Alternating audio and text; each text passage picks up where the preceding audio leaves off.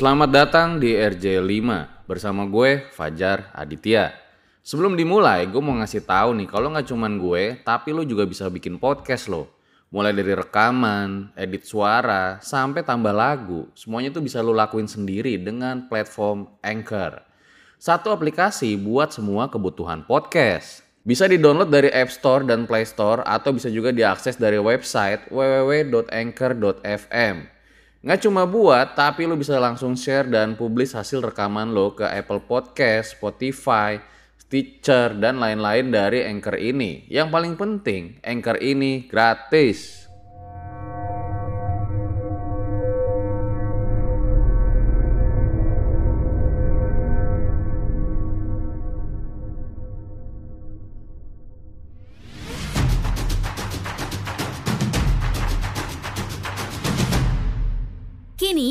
Network.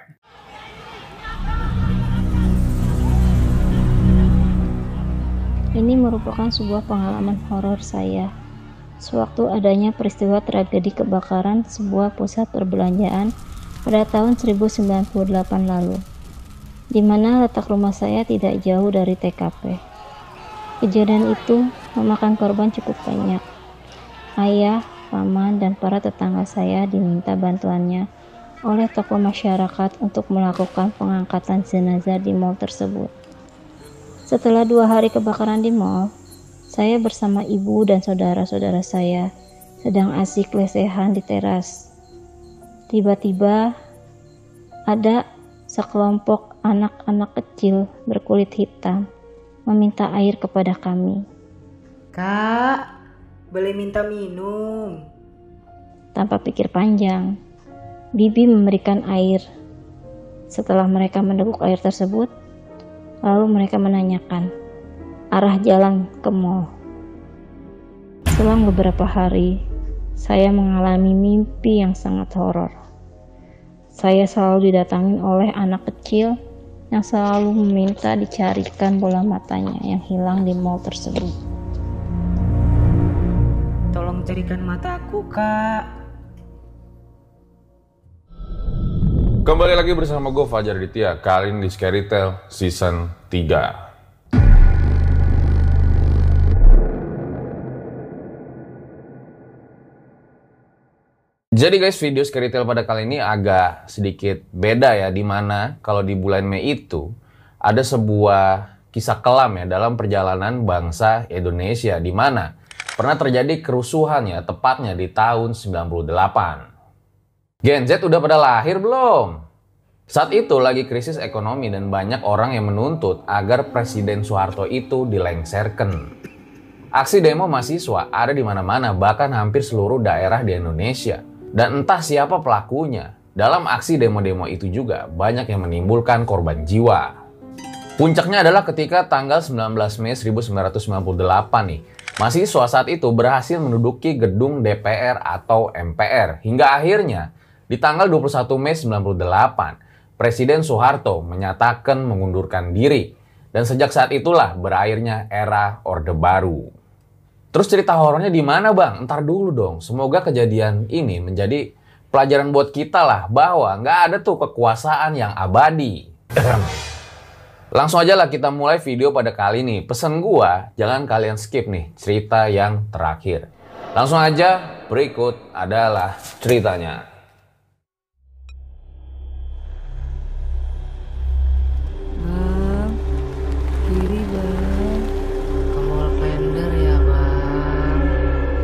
Tragedi kebakaran Moklender merupakan salah satu bagian kerusuhan yang akhirnya menjatuhkan Presiden Soeharto.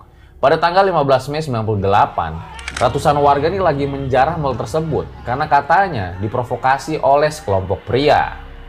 Jadi pas warga ini lagi ngambil-ngambil barang, tiba-tiba aja mall itu udah dipenuhin sama asap yang tebal. Ya mallnya kebakaran.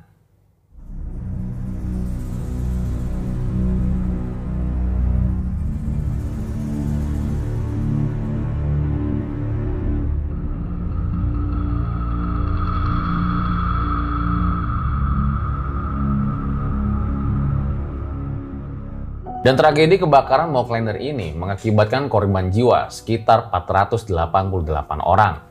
Dan pasca kejadian tragedi Mall Klender ini, katanya ya banyak yang mengalami kejadian-kejadian horor.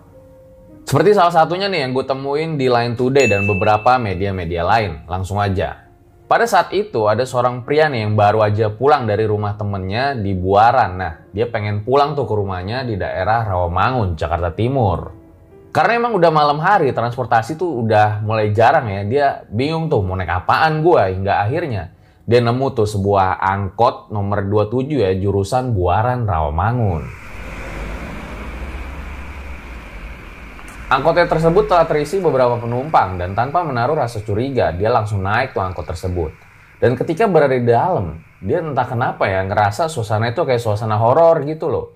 Dan pas dilihat satu-satu wajah para penumpang tuh kayak pucet dan bahkan nggak ada satupun penumpang yang berbicara. Sang supir angkot pun diem aja tuh nggak ngomong apa-apa. Dan pada saat angkot itu sampai di depan Mall Klender, beberapa penumpang itu turun. Dan ngerinya setelah turun, tubuh dari para penumpang itu kelihatan kayak gelap gitu, seperti bekas luka bakar. Dan pada saat itu juga, pria tersebut mencium bau seperti daging terbakar. Dan setelahnya, para penumpang itu berjalan memasuki Mall Klender. Padahal kan pada saat itu, mallnya lagi kebakaran. Nah ternyata cerita-cerita kayak gini tuh dapat kalian temuin di beberapa artikel ya.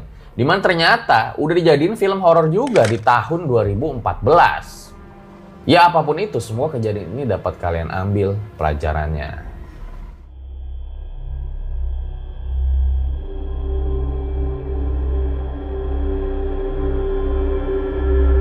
Cerita selanjutnya lagi-lagi nih nggak jauh setelah tragedi kerusuhan tahun 98. Nah kali ini dari merdeka.com. Namanya gue samarin aja ya.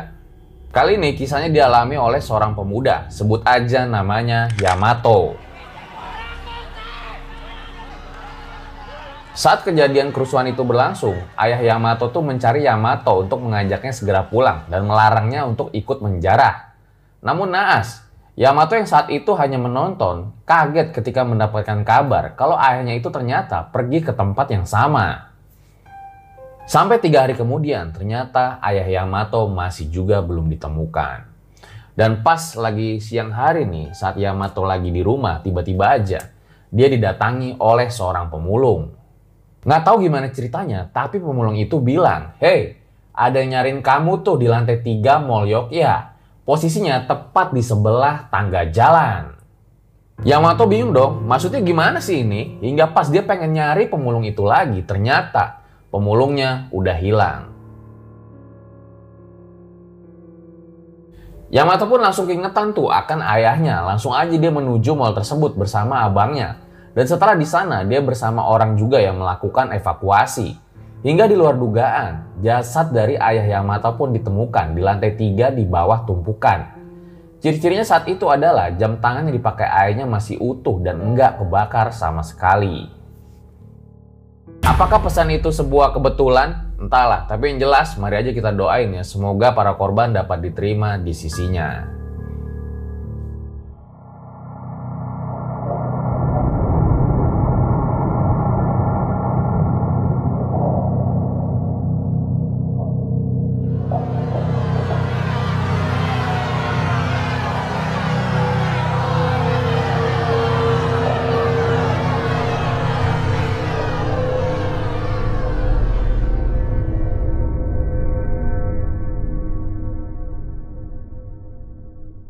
Hai, sebelum lanjut, kenalan dulu yuk sama partner misteri gua. Namanya Anchor.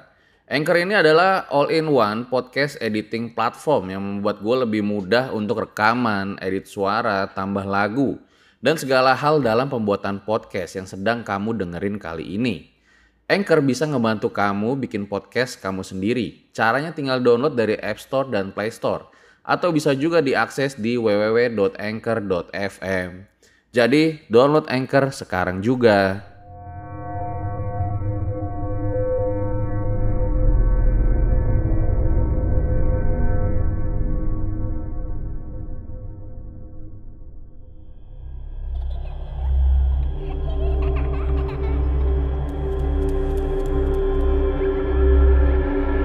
Kejadian horor selanjutnya dialamin sama Rosi nih, seorang warga yang tinggalnya itu nggak jauh ya dari sebuah pusat perbelanjaan yang juga terbakar di tahun 98. Jadi guys, si Rossi ini ngirim ceritanya lewat DM Instagram RJ5. Langsung aja gue baca ini. Setelah tragedi yang kelam itu terjadi, banyak orang yang mengaku katanya mendengar-dengar suara minta tolong lah lihat penampakan di tempat Rossi tinggal. Awalnya Rossi tuh nggak kayak terlalu memikirkan hal itu ya, hingga kejadian ini juga malah menimpa si Rossi. Saat itu ayah sama paman Rossi ini diminta untuk ngebantu ya proses pengurusan, pengangkatan dari korban-korban yang ada di pusat perbelanjaan tersebut. Dan ayah sama pamannya pun juga ikut membantu pada saat itu. Sampai suatu ketika, Rosi ini duduk di teras sama bibinya. Di mana kayak tadi gue bilang, rumah mereka tuh nggak terlalu jauh lah dari lokasi kebakaran pusat perbelanjaan tersebut. Hingga tiba-tiba aja ada beberapa anak kecil sedang bermain. Dan nggak lama, anak-anak kecil itu menghampiri mereka untuk meminta minum. Kak, boleh minta minum? Eh, pada minta minum. Dan nggak lama, anak-anak kecil itu juga pada bertanya ya, arah mall itu lewat mana sih? Ya udah akhirnya dikasih tahu dong sama bibinya Rosi. Dan sebelum pergi, anak kecil itu juga sempat ditanya ya, kalian ini habis main dari mana? Kok kulitnya terlihat gosong? Tapi anak-anak itu hanya tersenyum saja tanpa menjawabnya. Dan gak lama mereka pun mulai pergi. Gak lama Paman Rosi pulang ke rumah. Di situ Rosi menceritakan kejadian aneh tersebut. Di mana anak-anak kecil itu cukup aneh karena kulitnya itu seperti gosong. Dan yang lebih anehnya lagi, kenapa anak-anak itu bertanya mengenai mall tersebut? Karena kan mall itu udah hangus terbakar. Dan karena merasa tidak beres dan juga takut dengan keadaan, akhirnya mereka masuk tuh ke dalam rumah. Hingga nggak lama mereka malah ngedengar ada suara tawa wanita yang melengking dari atas pohon depan rumah. Ternyata kejadian horor itu nggak berhenti sampai di situ. Beberapa waktu kemudian saat Rosini baru pulang kerja, dia itu bermimpi ya didatangin oleh sosok anak kecil. Anak kecil itu meminta tolong agar Rosi mencarikan matanya yang hilang. Tolong carikan mataku, Kak. Si Rosi pun kaget dan langsung bangun tuh dari tidurnya dan dia juga sempat mikir ya, apa sih maksud dari mimpi ini? Dan ternyata mimpi ini tuh nggak hanya sekali doang, melainkan sampai berhari-hari.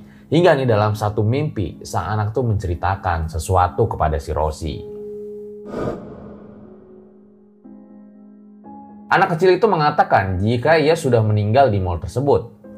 Pada saat kejadian, anak kecil itu pergi bersama bapaknya, niatnya untuk menemui jasad ibunya. Namun ternyata jasad ibunya itu sudah dipindahkan. Di situ mereka nggak sengaja ya kayak menendang kotak yang ternyata berisi uang, seperti kotak kasir gitulah. Mereka ingin coba ambil, namun dihalau oleh orang yang ada di sana. Anak kecil itu juga didorong oleh seseorang yang nggak tahu siapa dengan tongkat. Namun nggak sengaja, matanya itu malah tertusuk, lalu terjatuh dan terbentur. Dan setelah kejadian itu, sang anak kecil pun meninggal di tempat. Rosi sendiri nggak tahu ya apa maksud dari mimpi itu yang datang secara terus-menerus. Dia bingung juga, mau nolong tapi gimana? Dan Rosi pun pada saat itu hanya bisa mendoakan saja ya agar sang anak itu dapat diterima di sisinya.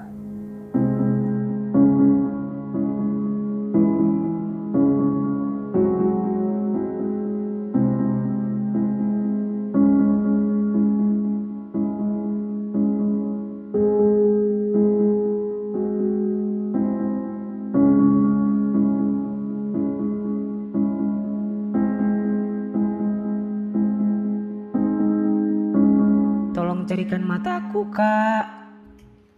Itu dia guys, beberapa kisah yang terjadi di tahun 98, tepatnya di bulan Mei ya. Semoga nggak terulang lagi lah ke depannya di negara kita.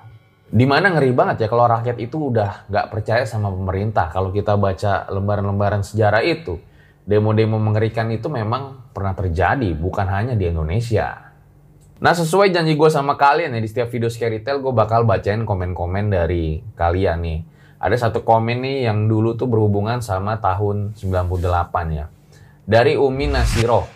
Wah, bener-bener lihat di depan mata waktu tragedi ini. Sumpah, bingung juga. Walaupun masih bocil, tapi kenapa waktu itu berani nonton sendiri di seberang mallnya? Padahal kondisinya kacau banget. Banyak penjarahan dari warga sekitar. Dan almarhum Mustafa kakaknya teman saya, jadi tahu banget ceritanya. Belum lagi after tragedi banyak cerita horor, sampai ada angkot yang bawa penumpang dan semua minta turun di mall itu, pasti tengok jadi gosong semua. Loh, ini kok sama kayak cerita yang pertama gue tadi ya? Makasih semuanya, gue rasa video cukup pada kali ini. Gue Fajar Aditya, RJ5 undur diri. Jangan lupa mampir ke Instagram gue nih, Drill Aditya. Sama TikTok RJ5 Drill Aditya. Ciao.